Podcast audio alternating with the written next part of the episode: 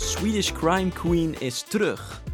Leuk dat je luistert naar weer een nieuwe aflevering van Boekarek, een HarperCollins podcast.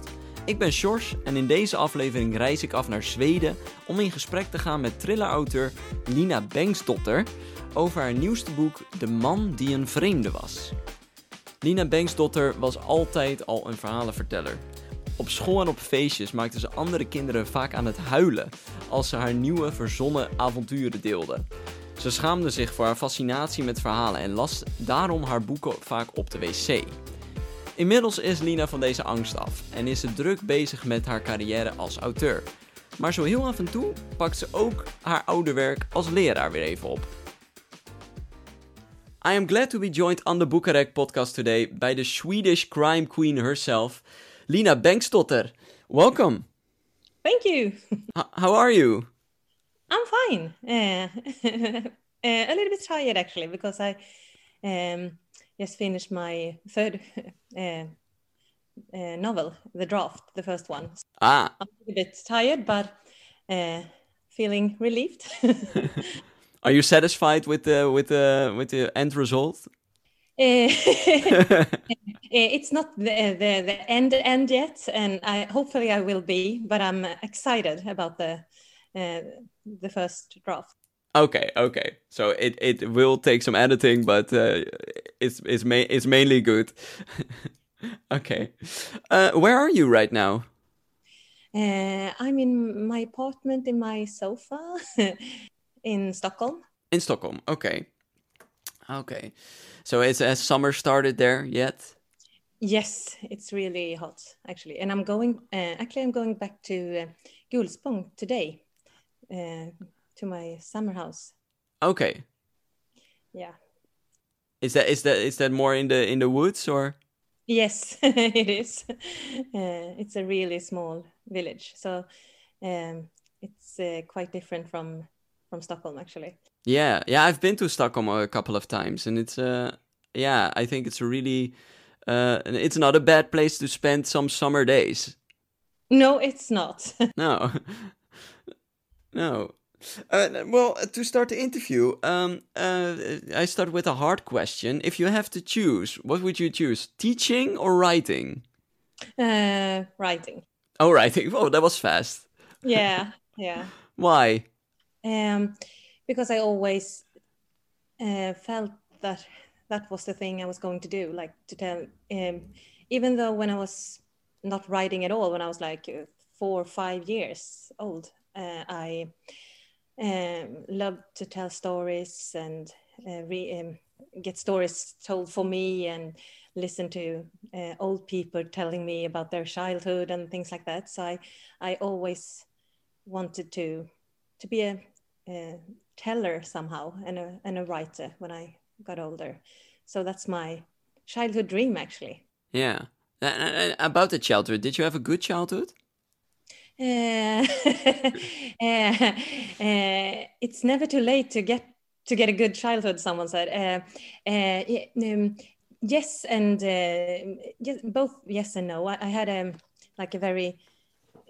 I- loved my like where we lived, and I had a horse, and I had good friends and everything. But it was quite rough sometimes, and yeah, um, some sad things happened, uh, and uh, and I was kind of a, a thinker, if you could Oh, okay. kind of um, somehow a little bit depressed uh, when I was uh, younger. So uh, it wasn't uh, the best childhood, but it was um, uh, uh, good enough. Yeah. And, and uh, di- di- how did you spend your time then? Did you did you read a lot? yeah, uh, I read all the time actually, and it wasn't uh, something that was cool in my hoods, you know. So um, I used I used to sit uh, on the school toilets uh, reading.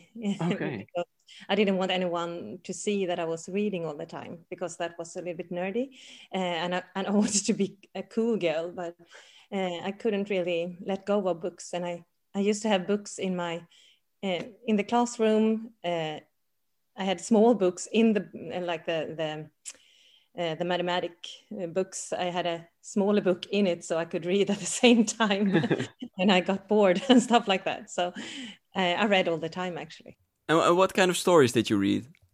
Um, everything like the I don't know if you heard about this Norwegian like um, um, it's a it's a uh, it's called uh, in in Swedish it's called Sagan om Isfolket. It's a, it's a, a fantasy um, dark uh, history about like magic people and it's very strange but uh, and it's like so many books so you can you can read it over and over again. Uh, and i read um, yeah but selma lagerlöf and karin boye swedish um, poet uh, sylvia plath um, everything actually. Uh, i was at the library a lot and and read what they gave me actually. Okay. But you were you were into those sagas and folklore tales a um, little bit fantasy and, and, mystical. You were into those stories as well? Yes i uh, when i was younger. Yeah. Oh not anymore? Uh, not so much anymore actually. It's more now it's more like um, uh, i love books like uh, uh, authors like Ottessa Moshfegh susanne breger Alice Munro, Sylvia Plath. Uh, yeah. It's more. It's more like the uh, grown-up thrillers and. Uh, yeah. yeah, and uh, and uh, do you still have that that you read all the time and everywhere? Yeah. Oh, if you still do. Yeah, I always uh, uh, have a book in my bag so that I can read when it when I'm standing in a line or when I wait for someone or so I, I always have it and, and I don't feel ashamed of it anymore. So now I can read everywhere. So it's you don't you don't have to look up a bathroom to uh, to start reading. now it's cool to read. Yeah, what? That's good. And and you said you you uh, you knew you wanted to tell stories at a very young age. Um, did did that start in your childhood? Did you start writing, or did that start much later? I I started very early, actually. First by scaring my friends. I couldn't because we had a lot of parties in my where we used to live, and we didn't have any like fences around our house or anything. We were just like a flower power kind of community, and um, our parents had parties and we slept in each other's houses and rooms and i wasn't allowed to to be in the same room as the other children because i uh, scared them so much with my stories. Oh you would tell those to them? Yes. Okay. uh, and to my sis, uh, younger sisters and brothers and they cried and you know, so, so uh, it was very early. And then i started to write um, small like books that I did myself. And when I was like 10, 11, 12, I started to write poems and uh, novels or short, uh, short stories, and then uh, uh longer and longer stories. Yeah, and, and you said you you scared other children. Were those uh, horror stories? What what kind of stories were those? Uh, it was like because we used to live, um, uh, or my parents live there, uh, still lives there, but uh, uh, near this lake, um, this river. Uh, and it, I told stories about disappearing girls in the river. Oh. and listen, can you hear them call for help? You know, listen very carefully, and, and they were like, I hear them. so, yeah, yeah, that that that's creepy. And and oh, you scared yourself. Yeah, and and uh, th- that whole fascination with reading and writing is that something you uh, you got from your parents or from other family members, or was that something you discovered on your own? Uh, I I think I would have um, discovered it on my own. May I don't know actually, but I had a grandmother, and she was uh, very into reading, and she gave me her books, and she marked things in the uh, on the sides like. Uh, uh isn't this good and can you see this picture and you know uh, and i read and um, yeah, and we talked about it and everything. So I had, uh, I, I, definitely had someone who encouraged me. Um, and she always read my poems and gave me feedback and stuff like that. And I also had like uh, other females in my family, um, older relatives that wrote a lot. Um, my my grand grandmother's mother, she she died early, uh, and she wrote when she was very ill, like very sad uh, texts about life and everything that didn't become what she wished for and stuff like that. So it's definitely definitely something there, um, but uh, it's hard to answer. I don't know. It's it's just always been there. I think. Yeah, yeah. Well, the, the, it's it, yeah, it's it's something you were surrounded with.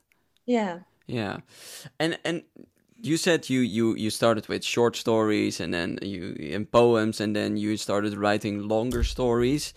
Um, when came the moment that you thought, well, I can actually write a book?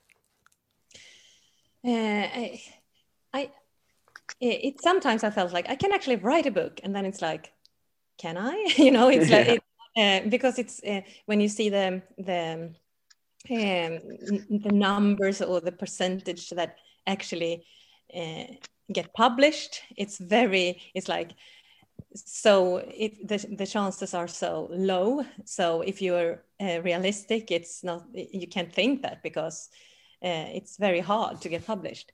Uh, and uh, but i'm not a mathematical person. I'm, I'm more of a dreamer.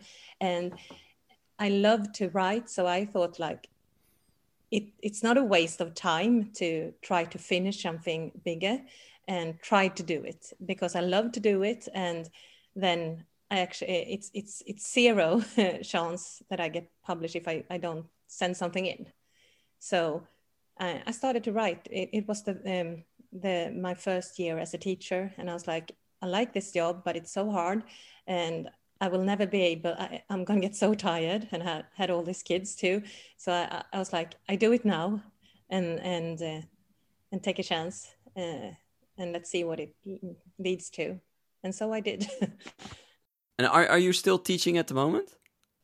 Mm, yes, uh, actually, I, I teach us uh, um, some uh, like um, not all the time, but certain courses. And if someone gets uh, ill, of my ex colleagues and stuff, uh, so I uh, I teach sometimes, and I like that too. But but it, it's a really hard full time job. It's um, um, uh, yeah, it takes a lot of uh, uh, time and effort, and, and I like that. But if you, it's easier to write if you do both of them a little bit. I think.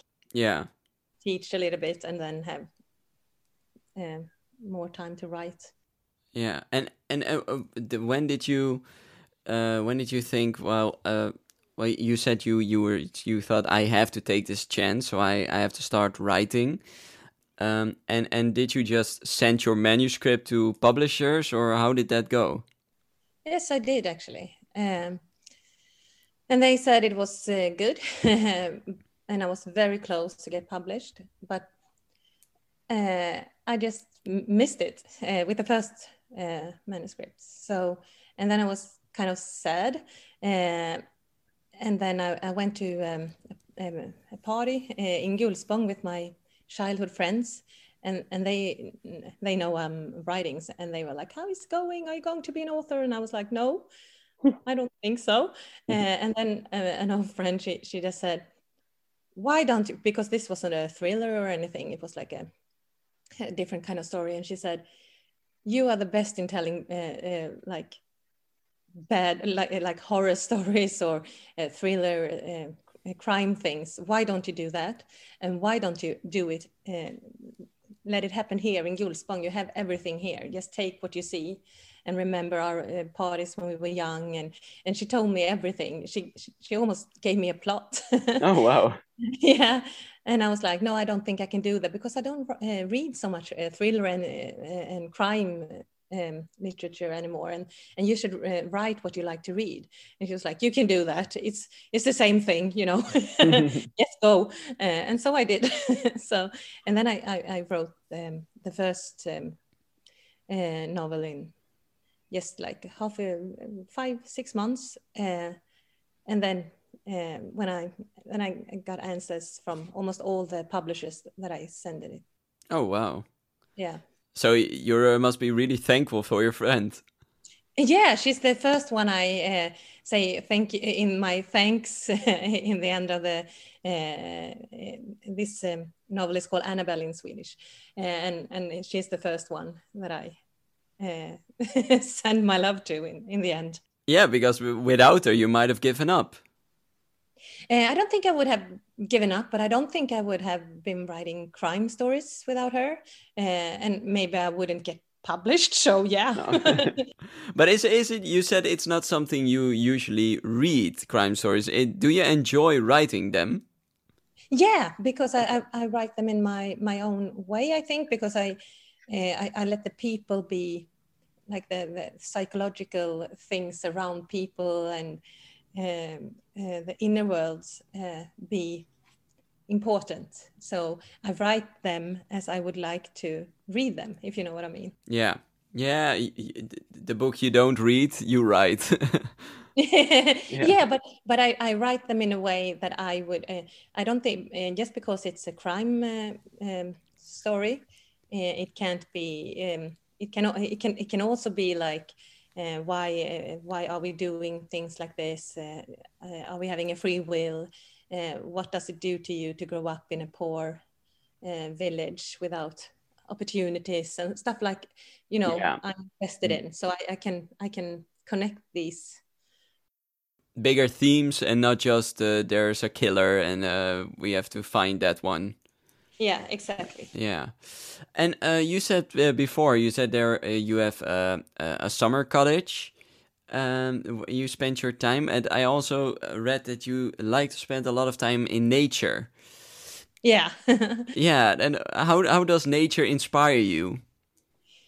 I think it's like it makes me calm and and it puts my um, imagination. Uh, it makes it more vivid. You know, I, I I can actually see things when I, I walk in the woods home back in uh, Gullspång. Uh, and I remember things and, and all these places back home. And they have a story to tell and, you know, where I went to Sunday school and that's where this happened, you know, so, so it's very uh, uh, exciting somehow and it makes me calm and it's a way of relaxing, I think. Yeah. And and how do you spend your writing days? Is that does that also include a walk through nature or? Yeah, uh, I walk a lot. Um, I try to run, but I'm kind of lazy, so I, I, can't say I'm running so much. But I walk in the.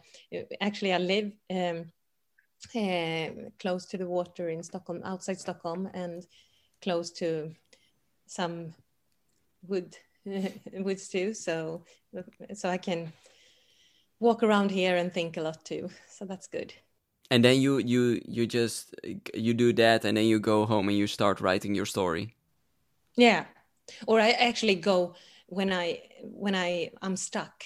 Okay. I go and then I uh, get the answers when I don't force them. You know. no, no. Uh, and and do you write through a routine? Do you uh, do you have a wake up early or uh, have a big breakfast? Uh, how do you? What is your routine?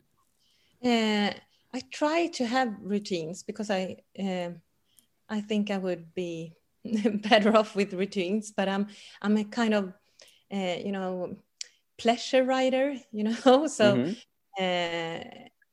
it's it's really hard to make it a a job you know and now i have to write this in this hour and about this and this and these are the scenes you know uh, i like to just sit down and see what happens.